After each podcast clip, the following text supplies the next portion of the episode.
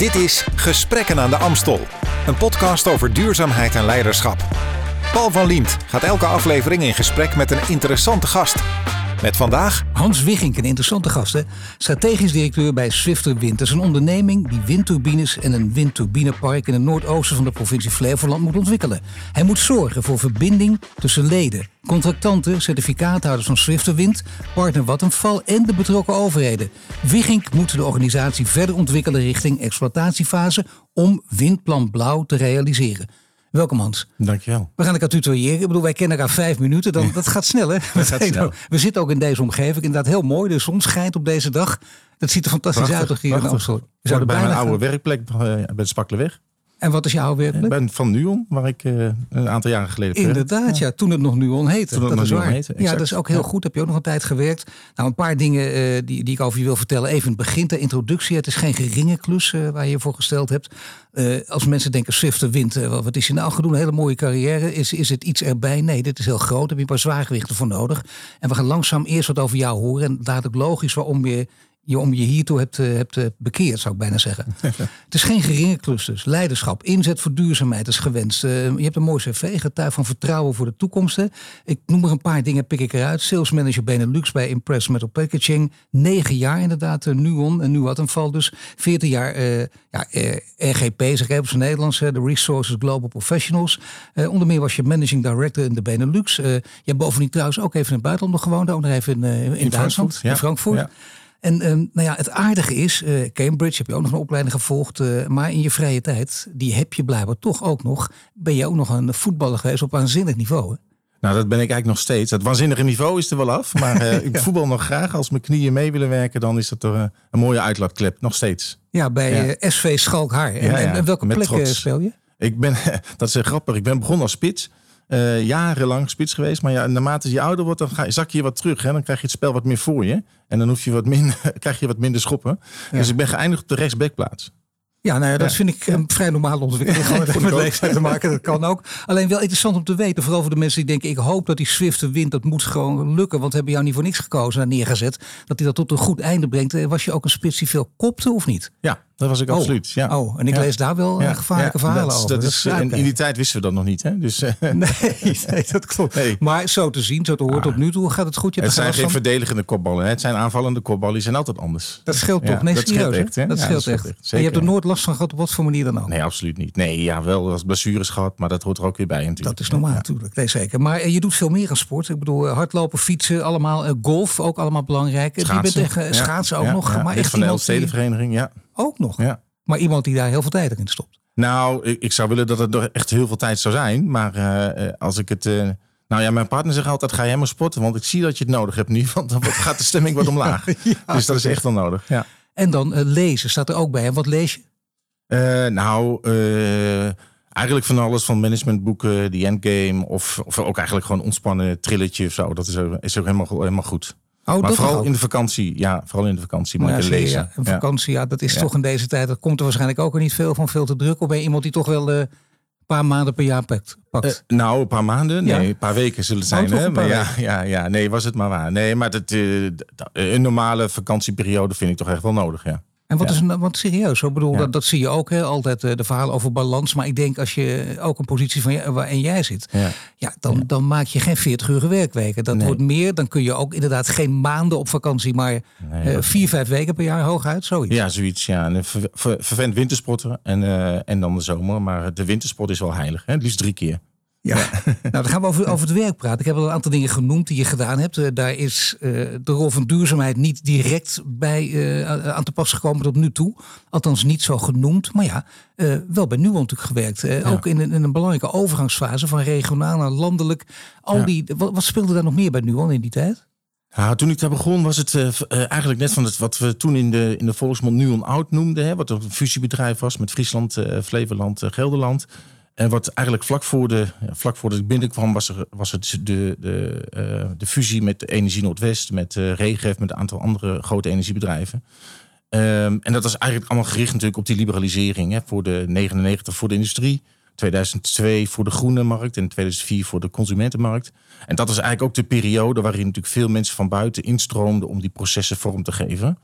En dat was een, uh, was een zeer leerzame en ook een zeer leuke periode om te doen. Dus maar kun je er iets over vertellen? Want ik bedoel, uh, kijk, dat het leerzaam is, dat, dat denk ik zeker. Als ik naar je cv ook kijk. En daar heb je niet voor niets lang gewerkt. En juist in die veranderingsprocessen. Want inderdaad ook werken naar een, libera naar een liberale markt. Liberalisering speelde.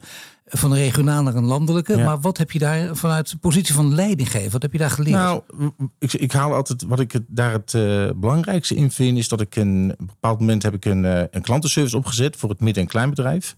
Ik kwam uit de commerciële rol, hè, de product management rol, de salesrol. En uh, ik uh, werd gevraagd om bij het CCC, het Customer Care Center, te komen. Uh, en daar ben ik gevraagd om een, een, een, een klantenservice voor het midden- en kleinbedrijf op te zetten. Een midden- en kleinbedrijf in de energiesector is een beetje zo'n zo'n zo'n sector die valt ertussenin. Hè? Ja. Dus je, je, je bent wel zakelijk, maar je wordt eigenlijk niet gezien als zakelijk volgens uh, de technische criteria. En dan is het leuk om te kijken wat kan je dan doen om die tevredenheid van die groep klanten, wat natuurlijk een hele grote groep is, om die vooruit te helpen. En wat hebben we gedaan? We zijn eigenlijk van scratch af aan begonnen met een heel nieuw plan.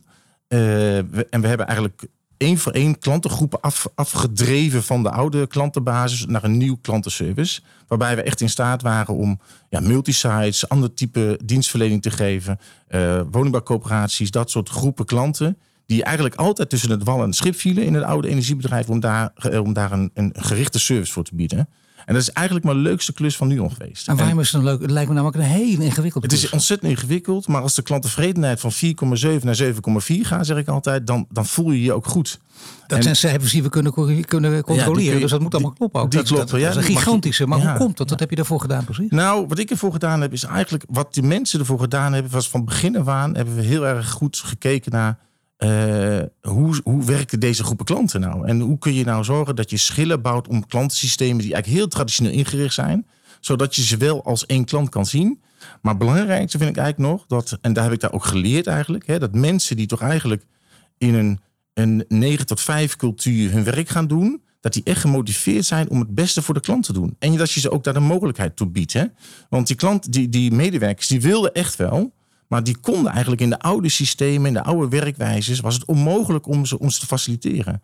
En als je ze de ruimte geeft en als je ze faciliteert, dan zie je dat mensen zo betrokken zijn bij die klant en het zo graag goed willen doen. En dat is eigenlijk een van de dingen waarvan ik ontzettend veel respect en waardering heb gekregen voor ja, type functies waarvan je eigenlijk was ik eigenlijk heel vaak verbaasd over dat ze zo gemotiveerd en zo gecommitteerd in de maar wedstrijd noem eens iets, een functie van je denkt, nou dat, dat een kan call, niet. Een callcenter medewerker, een, een, een, iemand die aan de telefoon zit of in de back-office zit. Die processen hebben ook naar elkaar toegetrokken en minder ver uit elkaar. Zodat je ook inderdaad die service kan leveren. Nou ja, dat werkt trouwens ook. Hè? Dat mensen dan ook wel zien wat ze voor het grote geheel moeten doen. Dat, uh, Precies, klantgroepbenadering betekent eigenlijk dat je die processen naar één groep medewerkers brengt, waardoor je voor en achter samenbrengt. En dat hebben we toen gedaan. En dat, en dat en de mensen waren daar zo blij mee. Want dan heb je niet alleen die factuur die je collega heeft gezonden, maar heb je hem ook meteen uh, in één team.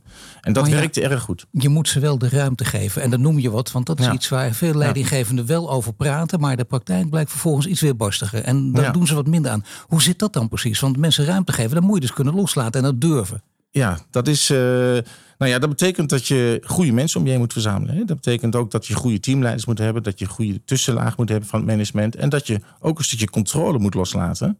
En ook om het vertrouwen dat dingen goed gaan. Hè? Dus dat, dat is ook echt wat je moet doen. Maar je ziet die hele discussie nu, eh, laten we zeggen in corona, eh, laten we hopen dan post-coronatijd, hè, waarin eh, van het thuiswerken, mensen gingen veel meer thuiswerken. Ja. En dat betekent dat je ook moet loslaten. En dat bleek dan in de Ja. praktijk voor veel leidinggevenden het meest lastige wat er is. Ja. Wat kunnen die van jou leren?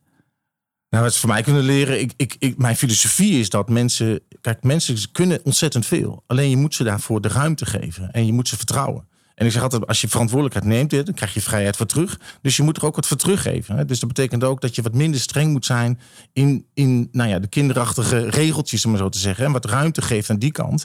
En mensen die willen die verantwoordelijkheid echt wel. En geef ze er wat vrijheid voor terug. En dan, dan zie je ze groeien. Ja, dat is mooi dat je dit zegt. Dat, dat idee heb ik ook. Ik weet alleen wel dat er altijd gekeken wordt door degene, de echte control freaks. Die kijken altijd naar de ene, eh, laten we zeggen de ene werknemer in dit geval, waarbij het misgaat. Ja, die en zijn daar er wijs je altijd. dan, die zijn er altijd. En daar moet je eigenlijk zeker zijn bij neerleggen. Niet Ja. zeggen dat daardoor jouw hele filosofie eh, invalt. Nee, ik heb, in die tijd eh, had ik ook zo'n spreuk die ik veel met mijn leidinggevende deelde. Is van, kijk, je, kan, je, moet, je moet 70, 80 procent van je energie steken in de mensen die het waard zijn. En niet 80 procent in de mensen die je niet willen. Want die krijg je niet mee. En daar moet je anders mee omgaan. En geef nou die positieve energie aan de mensen die echt willen, want dan krijg je dat terug. En meestal is dat, dat blijkt trouwens ook al uit de handboeken, hè, dat het inderdaad zo'n grote groep is. Maar ja, die andere groep is ook vrij groot. Die 20% die niet wil. En er zullen maar een paar stoorzenders bij zitten. Die kunnen de boel natuurlijk volledig traineren.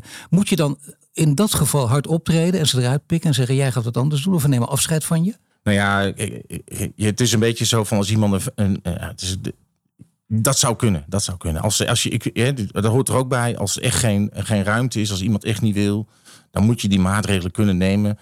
Maar kijk ook vooral naar het ontwikkelpotentieel en het gesprek met mensen om, uh, ja, wat is nou je drijfveer? En waar zit hij? Zit hij wel op de goede plek? En daar kan je heel veel bereiken. En natuurlijk, hè, niet bij iedereen. En natuurlijk zijn er uitzonderingen. En natuurlijk mag je daar ook in optreden. Dat moet je ook is in, in deze periode eh, dat jij bij Nuon werkte, waar je dus, je zegt, een van de leukste fases van je, van je werkzame leven hebt meegemaakt. Eh, is daar langzamerhand ook duurzaamheid op je netvlies gekomen? Of speelde dat nog geen rol in die tijd? Nou, het speelde wel een rol in dat uh, eh, 2002, toen de, markt, de groene markt geliberaliseerd werd. Toen was ik betrokken bij de, het product Nuon Groenstroom. dat was toen nog een product wat heel erg ja, gefabriceerd werd door het kopen van certificaten. Ehm, en toen was de duurzaamheidsdefinitie ook nog een andere in die tijd. Ehm, maar dat was wel de eerste, uh, nou ja, voor mij echte ervaring met van wanneer is een stroomproduct of een gasproduct groen of wanneer is het grijs en hoe ontwikkelden ze dat in de tijd. Hè? En, en ook wat is de rol van de overheid in dat soort processen. Maar was dat uh, in jouw geval, en ik, ik hoop dat je dit zo eerlijk mogelijk kan durven te zeggen, want zo is het natuurlijk altijd, was het in die tijd duurzaam omdat het moet of duurzaam omdat het kan en omdat het interessant is? Nou, het, uh, kijk, ik denk dat het. Uh, ik hoor het al omdat het moet. Het begon met omdat het, moet. Dat het moet. Nee, er zijn twee groepen, denk ik, in die tijd. Je hebt de echte believers al in die tijd. Hè, die waren echt al. Ja, uh, de voorlopers. Die waren de voorlopers, early adapters, natuurstroom, groep zeg ik altijd maar. Um, maar je hebt natuurlijk ook een groep die, die het, het afkopen. En wanneer een, een groot energiebedrijf grijze stroom en groene stroom even duur maakt, nou ja, dan is het makkelijk die handtekening gezet. En dat was vooral natuurlijk door de beschikbare overheidssubsidies waardoor het kon. En, en de verdiende energiebedrijven ook gewoon geld aan. Wanneer werd het voor jou meer dan dat? Of is het altijd op dit niveau gebleven? En ik bedoel, dat, dat kan ook natuurlijk. Hè? Want ik bedoel, dan maak je ook stappen. Het hoeft niet per se enorm in je DNA te zitten.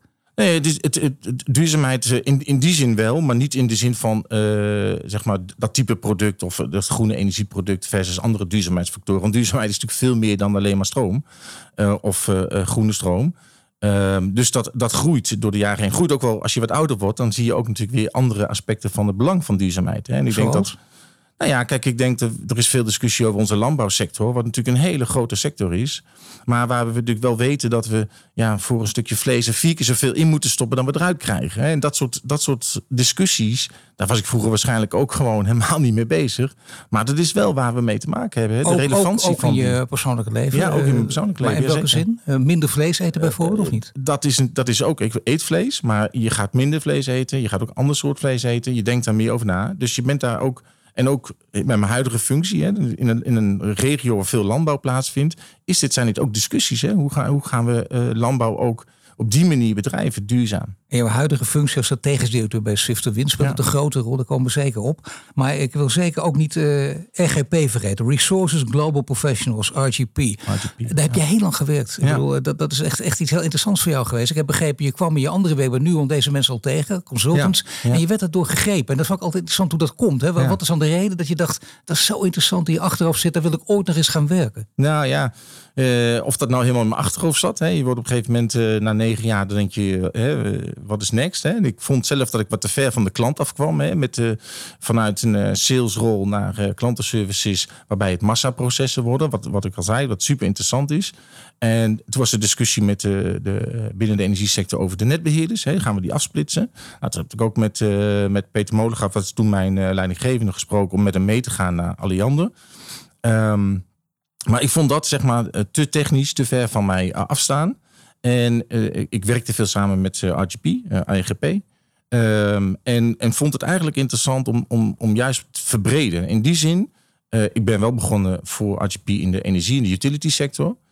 als managing director. Maar vooral wat je dan doet, is bij heel veel andere energiebedrijven kijken. Of utilitybedrijven, waterbedrijven, energiebedrijven. Waardoor je eigenlijk een bredere kijk op de sector ontwikkelt. En dat vond ik eigenlijk in de beginfase triggerde me dat van... hey, ik ben natuurlijk een Nuon, uh, negen jaar Nuon. Uh, en natuurlijk Nuon vindt, uh, vond in ieder geval dat het het beste energiebedrijf was van Nederland. En dat waren ze waarschijnlijk ook, zeg ik dan nog even een klein beetje trots. Maar ehm, eh, ja, hoe doen andere bedrijven dat? Hè? En hoe zie je die eh, ontwikkeling ja, zeg maar parallel aan, aan het bedrijf Nuon, wat heel specifiek was? Nee, begrijp ik ook. Je wilde ook niet te veel de technische kant meer op. Nee. Dat had gekund ook. Ik snap dat dat een duidelijke keuze is. Mooi ook dat je een bijzin bijna zegt, ja, acht, negen jaar, dan wil je toch iets anders. Ja. Bij, bij RGP ben je langer gebleven, maar ja. toch acht, negen jaar, dat lijkt ook voor een leidinggevende, wordt het bijna altijd aangegeven. Dat zie je ook in alle leerboeken. Dat heb je waarschijnlijk in Cambridge ook ja. te uit en te nagehoord. Na acht jaar weer wat anders doen. Klopt. Niet alleen voor jezelf, maar ook voor de mensen om je heen. Vind je dat ook een, wel een soort standaard gegeven? Ja, ik, ik denk, kijk, binnen Nuon en binnen RGP heb ik veel functies mogen doen. En, en dat is dan zeg maar de verrijking nog die je hebt. Maar ik denk ook qua cultuurwisseling is het belangrijk dat je op een gegeven moment ook andere culturen durft te zien. En die, je toch, die zie je toch alleen maar van binnenuit. En uh, ik denk dat het enorm motiveert om dat te doen. Maar om die stap te maken. acht jaar is wel een belangrijke. Ja. Het is altijd zes, acht, tien. Zie je in de politiek ja. ook, zie je in al dat soort functies. Met name zeg ik al in leidinggevende functies, waarin je echt de, de zaak ook draagt. Waarom kan dat ook niet langer? Want wat, wat, waar treedt dan de slijtage op? Nou, dat is een goede vraag. Is een goede vraag. Dat werd tijd ook. We zijn ja. uh, halverwege, zeker. ja. Nee, dat is goed. Uh, ja, ik denk dat dat toch komt door je eigen blindheid. Uh, en misschien ook wel een klein beetje misschien verzadigheid uh, bij jezelf. Uh, je wordt misschien toch minder getriggerd door, door, door prikkels van buiten. Begrijp jij het als je van andere mensen hoort? Daar kijk je natuurlijk met, met andere ogen aan. Dat je zelf heel lang in leidinggevende positie zat. Kijk je wel eens naar mensen die 20 jaar op een plek zitten. Of 25 jaar. Dat je denkt, jongen, jongen, dat is veel te ja, lang. Ja, dat, uh, en, en er zijn er maar weinig van waarvan ik denk die dat heel goed hebben, heel goed kunnen. Weet jij er één? Ik weet Paul er Polman ken ik hiervan. Ja, ja, dat is inderdaad waar. Ja. Die bleef langer zitten, ja. Die bleef lang zitten, ja. Maar bijvoorbeeld... Enorm respect voor trouwens. Ferguson ook natuurlijk. Ja. De, ooit de, de, de grote baas van Manchester United. Ja. Die bleef heel lang zitten en dat bleef succesvol. Dat, dat, is, dat succesvol. is verbazingwekkend. Maar, maar dat, dat kan ook alleen maar als je daarmee denk ik een team om je heen hebt die dat die wel prikkelt. En, en waarbij je ook niet alleen zeg maar de alleenheerser kan zijn binnen zo'n bedrijf. Hè? Dat, dat je wel geprikkeld wordt door je team om je heen. Paul Polman noem je meteen zelf. Waar, waarom, ja. uh, of misschien spiegel je je aan hem, maar waarom vind je hem zo goed? Een, een, een echt een voorbeeld? Nou, ik vind uh, wat één persoon uh, heeft betekend voor een bedrijf, wat natuurlijk niet per definitie als duurzaamheid, duurzaam te boek staat. Ehm, dat is waanzinnig knap, denk ik. Dat je als CEO een dermate positie kan nemen en ook daar zo heel veel tijd aan besteedt, dat het echt doorwerkt in de, in de genen van het bedrijf. En dat is, dat is ontzettend knap, denk ik. Ja, dat is waar. Maar aan de andere kant, uh, hij is ook een man die door roeien en ruiten moest. Uh, die ook uh, zijn koppen zich ook maken afgehaakt. Ja. Dat, dat gebeurt ja. bijna altijd ja. als je in zo'n positie zit. En dat je ook tegen de stroom in durft te gaan. En dat heeft hij gedurfd ook. Want hij werd ook gezien als, wat is het toch een rare man. Wat gek en hoezo van die kwartaalcijfers afscheid nemen. In een anglo-saxische wereld, hij begrijpt het niet. En dan toch koers vast kunnen blijven. Dat is, dat is, een, is het op een ander level misschien. Maar vind je dat ook herkenbaar bij jezelf? Dat je dat ook doet? Dat je af en toe ook tegen de stroom in durft te gaan? Uh, ja, ik spier me niet aan, aan Paul, want ik vind dat echt een grootheid hoor. Maar uh, dat zou te veel uh, eer zijn. Maar ik vind wel belangrijk dat je. Kijk, leiderschap kenmerkt zich natuurlijk door standvastigheid. Hè? Koersvast zijn, verbinden, durven te veranderen. Dat zijn wel aspecten die mij sowieso aanspreken. Dat, dat absoluut. Maar ja, durven veranderen, dat wil zeggen ja. dus ook. Ik, ik, ik weet niet of het zo is, want dat, dat, daar kun je verschillende visies op hebben. Maar tegen de stroom in moet dat per se. Polman heeft dat gedaan. Hij ja. vond dat zeer noodzakelijk en, en hij durft het ook aan. Ja. Maar heb jij dat ook ooit gemoed? Zijn er momenten in je leven dat je dacht, als, hier moet ik als leidinggever echt tegen de stroom iets anders doen dan men gewend is? Ja, dat, uh, ik zou zeggen, dat is bijna, dat is heel vaak eigenlijk zo. Hè? Dat uh, als je wilt veranderen, dan zul je toch, verandering gaat toch gekenmerkt denk ik door 75% van mensen die eigenlijk niet willen. En, en, en, en die moet je dan toch eigenlijk mee zien te krijgen. En daar moet je mee verbinden. En daar moet je uh, ook tijd voor nemen. Hè? Dus ook dat. ik heb met Peter Molengaaf ook veel gewerkt. En ik vond ook dat hij nam de tijd voor het veranderproces. Een tijd is nodig om te veranderen. Je kan niet zeggen, morgen gaan we het anders doen en morgen zijn we anders. Dat, dat, dat, de, dat doen deze mensen ook. En verandering ja, is toch 75% meekrijgen die, die eigenlijk in beginsel niet, helemaal niet zo de nut van inzien. Maar dat gaat vooral over, over draagvlak creëren. Dat ja. is het. Daar heb je er inderdaad tijd voor nodig. Maar je wil ook de versnelling. Als het over de energie, dan ziet zich ook de versnelling. Mensen zijn ook in deze ja. tijd gehaaster dan anders. Uh, het moet ook niet te lang duren, want dan heb je het ook niet in de gaten. En dan, daarbij is verandering dat moeilijkst wat er is. Dat weten we uit de wetenschap. Ja. Verandering. Elke hoogleraar die op dat terrein spreekt, zegt dat ook. Dat is, het zit niet in ons brein verankerd. Dat lukt bijna niet. Kun jij een paar, uh, een paar op basis van je ervaring een paar dingen vertellen? Van je zegt, nou, dat werkt. Misschien mensen die nu ook luisteren denken, daar heb ik wat aan. Uh, nou ja, ik, ik, ik vind het. Ik gaf net al het voorbeeld van de klantenservice. Hè, op die manier een andere een benadering nemen. Waarbij we ook echt wel tegen de stroom in moesten roeien. Hè. Dat is ook echt wel een, een, andere manier van aanpak. Maar wat doe je dan met mensen die dat ook zeggen? Want je hebt ook altijd een paar spelers die dan ook, laten we zeggen, de, de, de, nou, de, de, de, de, grote bek, de spreekwoordelijke grote bek. Of misschien ook letterlijk. Ja. En die dan zeggen, dat doen we niet. Dat gaat niet werken. Hè? Dat, nee. dat, zal, dat gaat nooit werken. Die altijd negatief zijn Ja, dat, die zijn er ook. Ja, ja, die zijn per definitie altijd. En wat doe je daarmee? Want die kun je niet continu negeren. Nee, maar je kan wel met ze in gesprek gaan. En je kan ook wel laten zien wat er wel werkt. En je kan ook, uh, en ik denk dat dat gesprek en dat, zie ik ook in mijn huidige functie.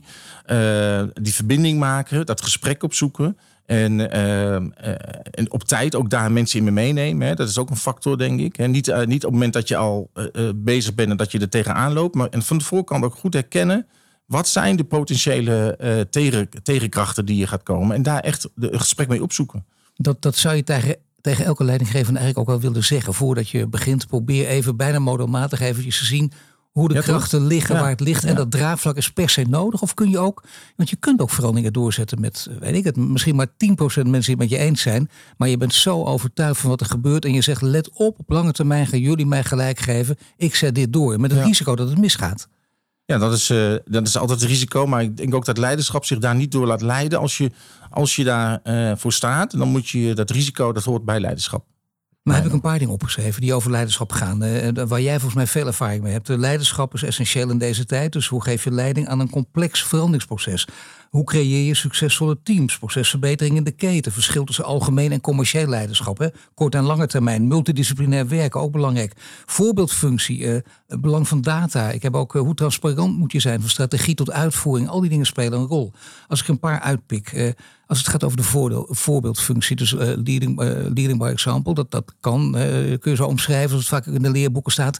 Wat tegenwoordig ook wel erg populair is. Vind je dat ook belangrijk? Absoluut, ja. Het is natuurlijk een beetje een cliché, hè? dat wordt natuurlijk heel vaak gezegd.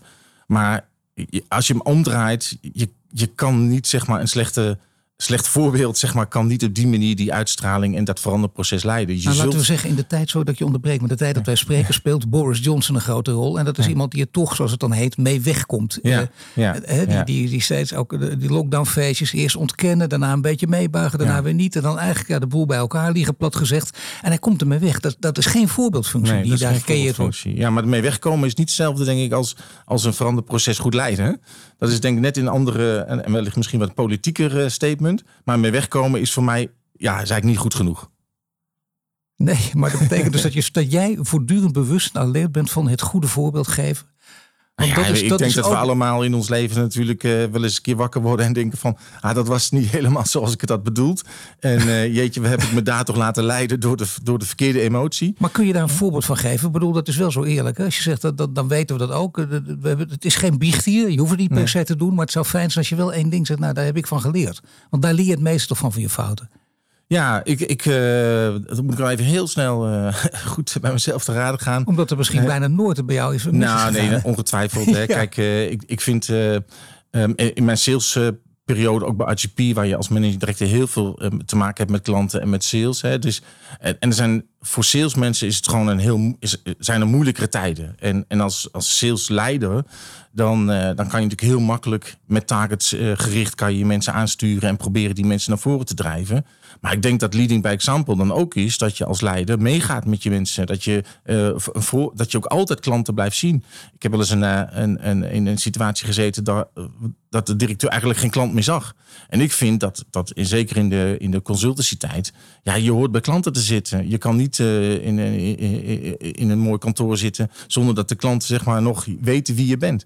Ja, dat vind ik echt voor salesmensen leading by example. Ja, ik vind het een goed voorbeeld dat je dit geeft. Want je denkt zelf, dat heb je af en toe verkeerd gedaan. Dat je eigenlijk anders moet doen. Maar ja, natuurlijk word je, je wordt wel eens uh, overmand door allerlei uh, managementprocessen. Uh, en met allerlei andere bureaucratie of nou ja, Amerikaans bedrijf, hè, RGP. Dus heel veel rapportageplicht, druk op cijfers. Nou, dan, dan heb ik me ook wel eens laten verleiden tot wat oneigenlijke druk, zeg maar. Um, Maar ik vind echt, en dat, dat is dan de bewustwording van uh, ja, tijd vrijmaken om met je mensen mee te gaan naar klanten. klanten dat is een hele belangrijke, een hele belangrijke ding die je nu zegt. Want daar gaat het natuurlijk om. dat je inderdaad, Nee, maar dan, dan zie je ook uh, wat, wat, het nadeel is van die rapportage. Van die enorme bureaucratie. Uh, laten we zeggen, mensen in de zorg en het onderwijs kunnen erover meepraten. En we begrijpen waarom. GDPR speelt een rol bij alle werk wat je doet. Is dat in je werkzame leven misschien wel een van de grootste knelpunten geweest? Waarvan je dacht, daar moeten we misschien wat losser in worden of niet? De GDPR-discussie? Nou ja, alles. Alles, met, alles wat met rapportage te maken heeft en met bureaucratie te maken heeft. Uh, nou ja, je kijk, gewoon niet zonder? je, je bent natuurlijk heel erg, je moet natuurlijk een hele, je, je kan niet zonder. Hè? Je, je zult ook heel goed, uh, rapportage gaat niet alleen over opbrengsten, gaat ook over kosten.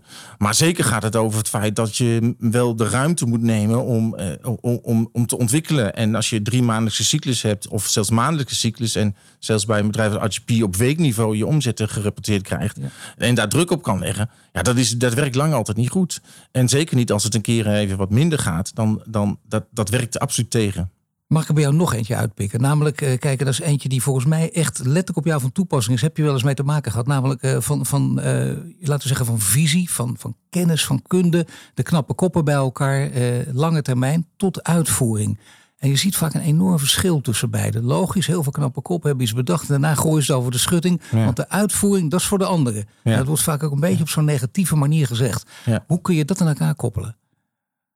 Uh, ja, kan niet zonder elkaar. Hè? Ik denk dat je een, een visie, een droom, hè, dat is natuurlijk iets wat een, wat een groot leider zeker moet hebben. Maar uh, een visie zonder uitvoeringsorganisatie, dat is een, dat is een loze belofte. Maar het gaat er vooral om of je daarmee moet bemoeien. Je kunt ook zeggen, nee, ik, ik, ben, ehm. ik ben bijvoorbeeld, zoals jij, ik ben strategisch directeur, dat laat ik aan de anderen over. Dat is een operationeel directeur voor. Ja, ja. Maar daarmee, eh, dat zeg nou ja, dat is niet eh, mijn stijl, zeg maar. Ik, ik, vind dat de betrokkenheid groot moet zijn en dat je, en het is type organisatie waar ik nu werk, is dat zeker aan de hand. Hè. Je, kan, je kan niet, uh, zeg maar, een, een ivoren toren visie bedenken zonder dat je echt kijkt naar de successen op de vloer, de mogelijkheid om het te behalen met je stakeholders, met je, met je, met je leden, contractanten in mijn geval. Ja, dat moet je echt samen doen. En daar kan je niet van wegblijven. Dat is, uh, daar gaat niemand geloven dat het de visie succesvol kan zijn. Nee, dat kun je niet van wegblijven. Nee. Maar dat is gewoon een hele lastige. Want dat hangt van de grootte van het bedrijf ook af. En het hoe ver kun je daarmee bemoeien? Moet je er zelfs mee bemoeien? Maar zou jij het alle leiders, zelfs leiders van hele grote bedrijven aanraden om toch zoveel mogelijk dicht op de uitvoering te zitten ja, in deze tijd? Ik denk van wel, maar dat is ook mijn persoonlijke uh, typering, hè, mijn persoonlijke stijl. Dat ik toch wel het lastig vind als je geen raakvlak meer hebt met de uitvoering. En dat, uh, en dat hoeft niet te zijn dat je daar, uh, je, je kan daar niet altijd zijn.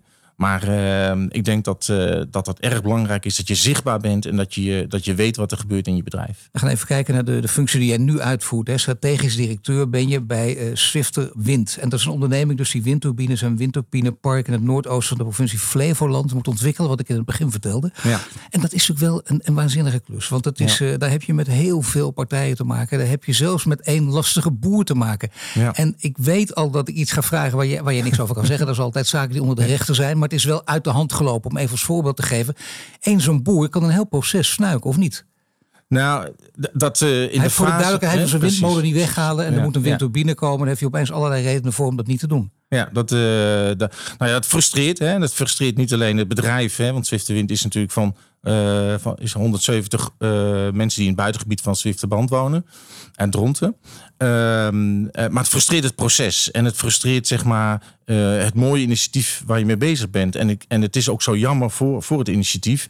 Ik denk niet dat het um, dat dit proces, zeg maar, he, dat het vernuikend is voor, voor, voor het doorgang van het proces. Maar het is, zo, het is vooral zo jammer en ook zo.